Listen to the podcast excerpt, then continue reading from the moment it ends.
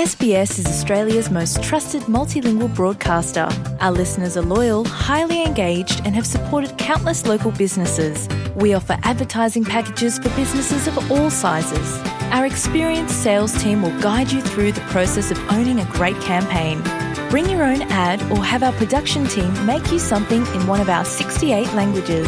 Start the conversation with your new audience today. Email sales at sbs.com.au. Вие сте со SPS на Македонски. Во денешниот билтен, повеќе од 14.000 луѓе во Викторија останаа без струја, откако силни ветрови ги погодија јужните делови на државата. Денеска во Бризбен во теке јавна расправа за шемата Рободепт. Македонскиот клуб Никола Вапцаров вчера отворен во Благоевград, Бугарија. И странските лидери изразија сочувство за смртта на најмалку 153 лица кои се најдоа во толпата по повод ноќта на вештерките во Сеул. Следуваат вестите на Избес на Македонски за 31 октомври 2022. Јас сум Радица Бојковска Димитровска. Останете со нас.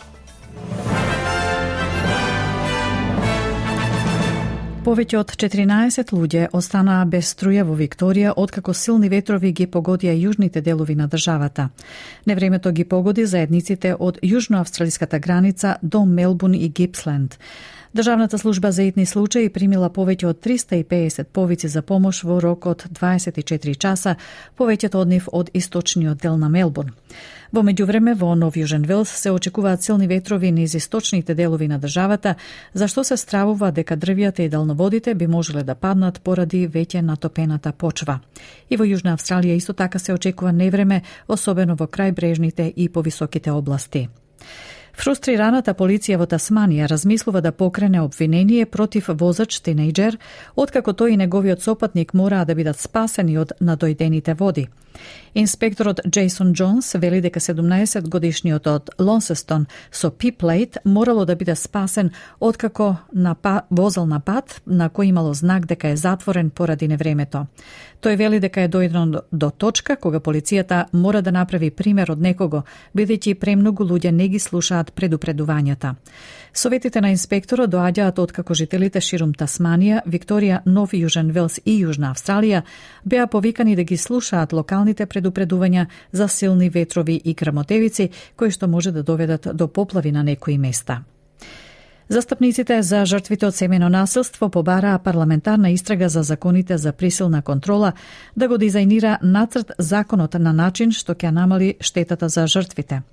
Извршната директорка на Women's Safety New South Wales, Хели Фостер, вели дека треба да се преземат мерки за да се осигура дека жртвите на семено насилство не се погрешно идентификувани како сторители. Господица Фостер вели дека оние кои се одговорни за присилна контрола честопати можат да го користат системот во своја полза. Таа вели дека парламентот треба да ги земе предвид овие сценарија кога одлучува за нивото на товарот на докажување потребно за кривично гонење на идните наводи за контрола. We have to always think about the message that's being sent when we put in place legislation that has an impossibly high bar. I think the message that we send by making it so high and so out of reach is, is that which I, I outlined in my opening statement, and that is that um, it is not important, it's not serious. I guess the other side of that is the message it's sending to perpetrators mm. uh, that you know we can continue continue this behaviour um, unabated. Задолжителниот кодекс на однесување за малопродажните трговци со газ може да се користи како начин да се намалат зголемените цени на електричната енергија. Според благаникот Джим Чалмерс, иако имплементацијата на кодот се однесува на снабдувањето со газ, тој исто така може да се користи за да помогне во следењето на цените. Господин Чалмерс вели дека владата ги разгледува сите опции за намалување на цените на електричната енергија. Во сојузниот буџет, донесен минатиот вторник, имаше прогнози за раст од 56% на малопродажните цени на електричната енергија во следните две години и за зголемување на цените на бензинот повеќе од 40%. Денеска во Бризбен во теке јавна расправа за шемата Рободепт. Постапката ќе биде прва во почетната расправа за Кралската комисија, која што ќе разгледува како е воведена шемата и како и, како и постапката по која програмата стана владина политика. Роботот беше автоматизирана програма за наплата на долг, што беше укината од поранешната коалицијска влада во 2020 година, но откако погрешно издате околу 470.000 сметки за долгови. Прашања се поставуваат за безбедноста на мостот кој се урна во индиската држава Гуджарат, при што загинаа најмалку 80 луѓе. Водачите на опозицијските партии тврдат дека владата не извршила темелна техничка проценка и тестирање на носивоста пред повторното отворање на мостот за јавноста минатата недела по 6 месечно реновирање. Мостот долг 230 метри бил изграден за време на британското владење во 19. век. Мостот за пешаци беше преполн со туристи кои уживаа во празничните веселби кога се урна и ги повлече луѓето долу во реката.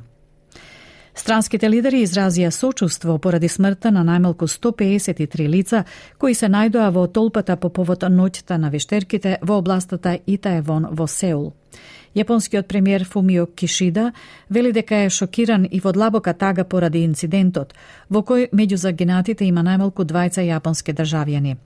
Руската амбасада во Јужна Кореја соопшти дека загинале четворица руски државјани, додека председател Си Джинпинг им изрази сочувство на семејствата на најмалку четворица кинески државјани кои загинаа во стампедото. Папата Франциско им се обрати на верниците на плоштадот Свети Петар, велејќи дека се моли за сите погодени од трагедијата. Јужнокорејското министерство за надворешни работи соопшти дека се убиени 26 странски државјани од 15 земји, меѓу кои е потврдено дека има најмалку еден австралиец. Центарот за обработка на мигранти во Обединетото кралство бил нападнат со огнено оружје од маж кој потоа се самоубил по нападот. Сведоците велат дека мажот фрлил бомби со бензин прикачени на огномет врз зградата во пристаништето Довер, а потоа возел до блиската бензинска пумпа каде извршил самоубиство. Британската членка на парламентот Натали Елфик од владјачката конзервативна партија по нападот побера акција за запирање на чамците пред да ја напуштат Франција. it's absolutely vital that we get a grip of this issue and that the boats are stopped from leaving France. And that's what now needs to happen. And I think that is a, a conversation between the Rishi Sunak, the Prime Minister, and President Macron. Нападот уследи по политичка дебата за имиграцијата во Британија.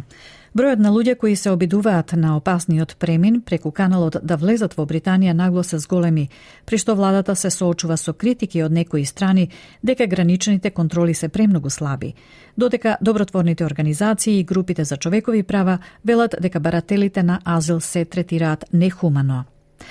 Амбасадорот на Соединетите Американски држави во Австралија ги повика Вашингтон и Камбера да продолжат да работат заедно за да го одржат мирот во услови на континуирани тензии во Пацификот. Керолайн Кенеди вели дека двајцата сојузници соработувале со децении на поредок заснован на правила.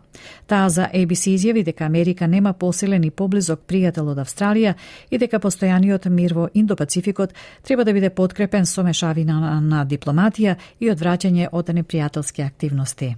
America doesn't have a stronger, closer ally, and so I think I see that every day as I go around, and I think uh, So, and everyone's been so friendly. It's so beautiful. So I'm really honored to be here.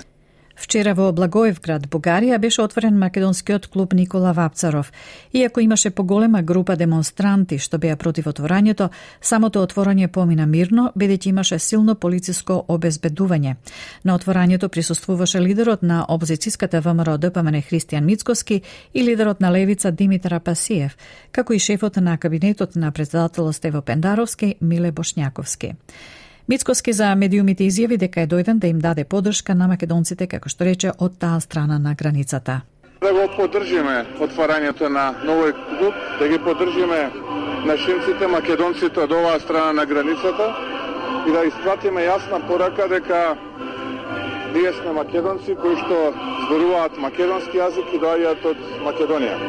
Европскиот пратеник пак од ВМРО БНД, партијата што го организира протестот Ангел Джамбаски, во отворањето на клубот гледа провокација. Тој рече дека протестираат, цитат, против собирот на активни македонски политичари со сепаратистите во Бугарија. Луѓето кои стојат зад овој клуб велат дека Бугарија е окупатор во Пенинска Македонија, а дека Благоевград е македонски изјави Джамбаски.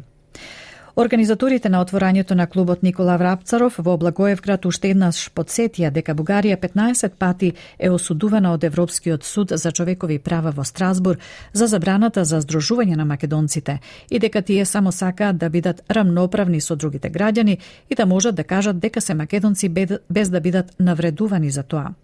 Премиерот Димитар Ковачевски вчера на пресконференција рече дека не присуствувал на отворањето на клубот во Благоевград, зашто предходно имал закажано седница на владата посветена на справување со енергетската криза. Тој изјави дека му е драго што македонските граѓани можат слободно да одат и да се радуваат на културниот клуб во Благоевград. Мило ми е што македонски граѓани, вклучително и господинот Мицковски и господинот Апасиев, можат слободно да одат и да се радуваат на отворање на културен клуб во Бугарија.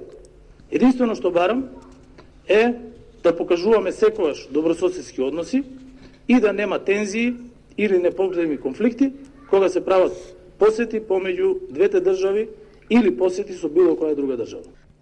Нов Зеланд објави дека планира да ги преиспита своите закони за маркетинг и спонзорството на алкохол. Министрот за правда Каритапу Алан вели дека законот не функционира како што е предвидено, обвинувајќи ги супермаркетите и компаниите за алкохол дека го користат нивното право на жалба за да го спречат спроведувањето на локалните регулативи. Во Окленд, планот за блокирање на продажбата на алкохол по 21 часот е фатен во правна постапка уште од 2015 година, Крајшчерч и Хамилтон се откажаа од нивните локални планови, а планот на Велингтон доби жалба од 8 засегнати страни. Министерот Алан изјави за One News дека локалните заедници треба да можат да постават своји правила за да ја намелат штетата поврзана со алкохолот. 2012 we had uh, an overhaul, overhaul of our liquor laws.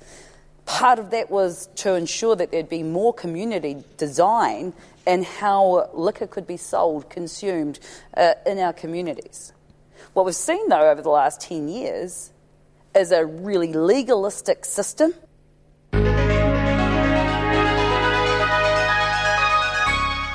Од најновата курсна листа, денеска еден австралиски долар се менува за 0,64 евра, за 0,64 американски долари и за 39,37 македонски денари додека еден американски долар се менува за 61,41 македонски денар, а едно евро за 61,19 македонски денари.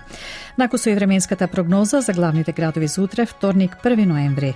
Перт делумно облачно со максимално до 22 степени, Аделаид слаби повремени врнежи 15, Мелбун слаби повремени врнежи 14, Хобар краткотрајни слаби врнежи 14, Камбера исто така слаби врнежи 12, Сиднеј краткотрajни слаби врнежи максимално Максимално 24, Бризбен слаб повремен дожди можна бура 25, делумно облачно за Дарвин 35 и сончево за Али Спрингс со максимално до 26 степени.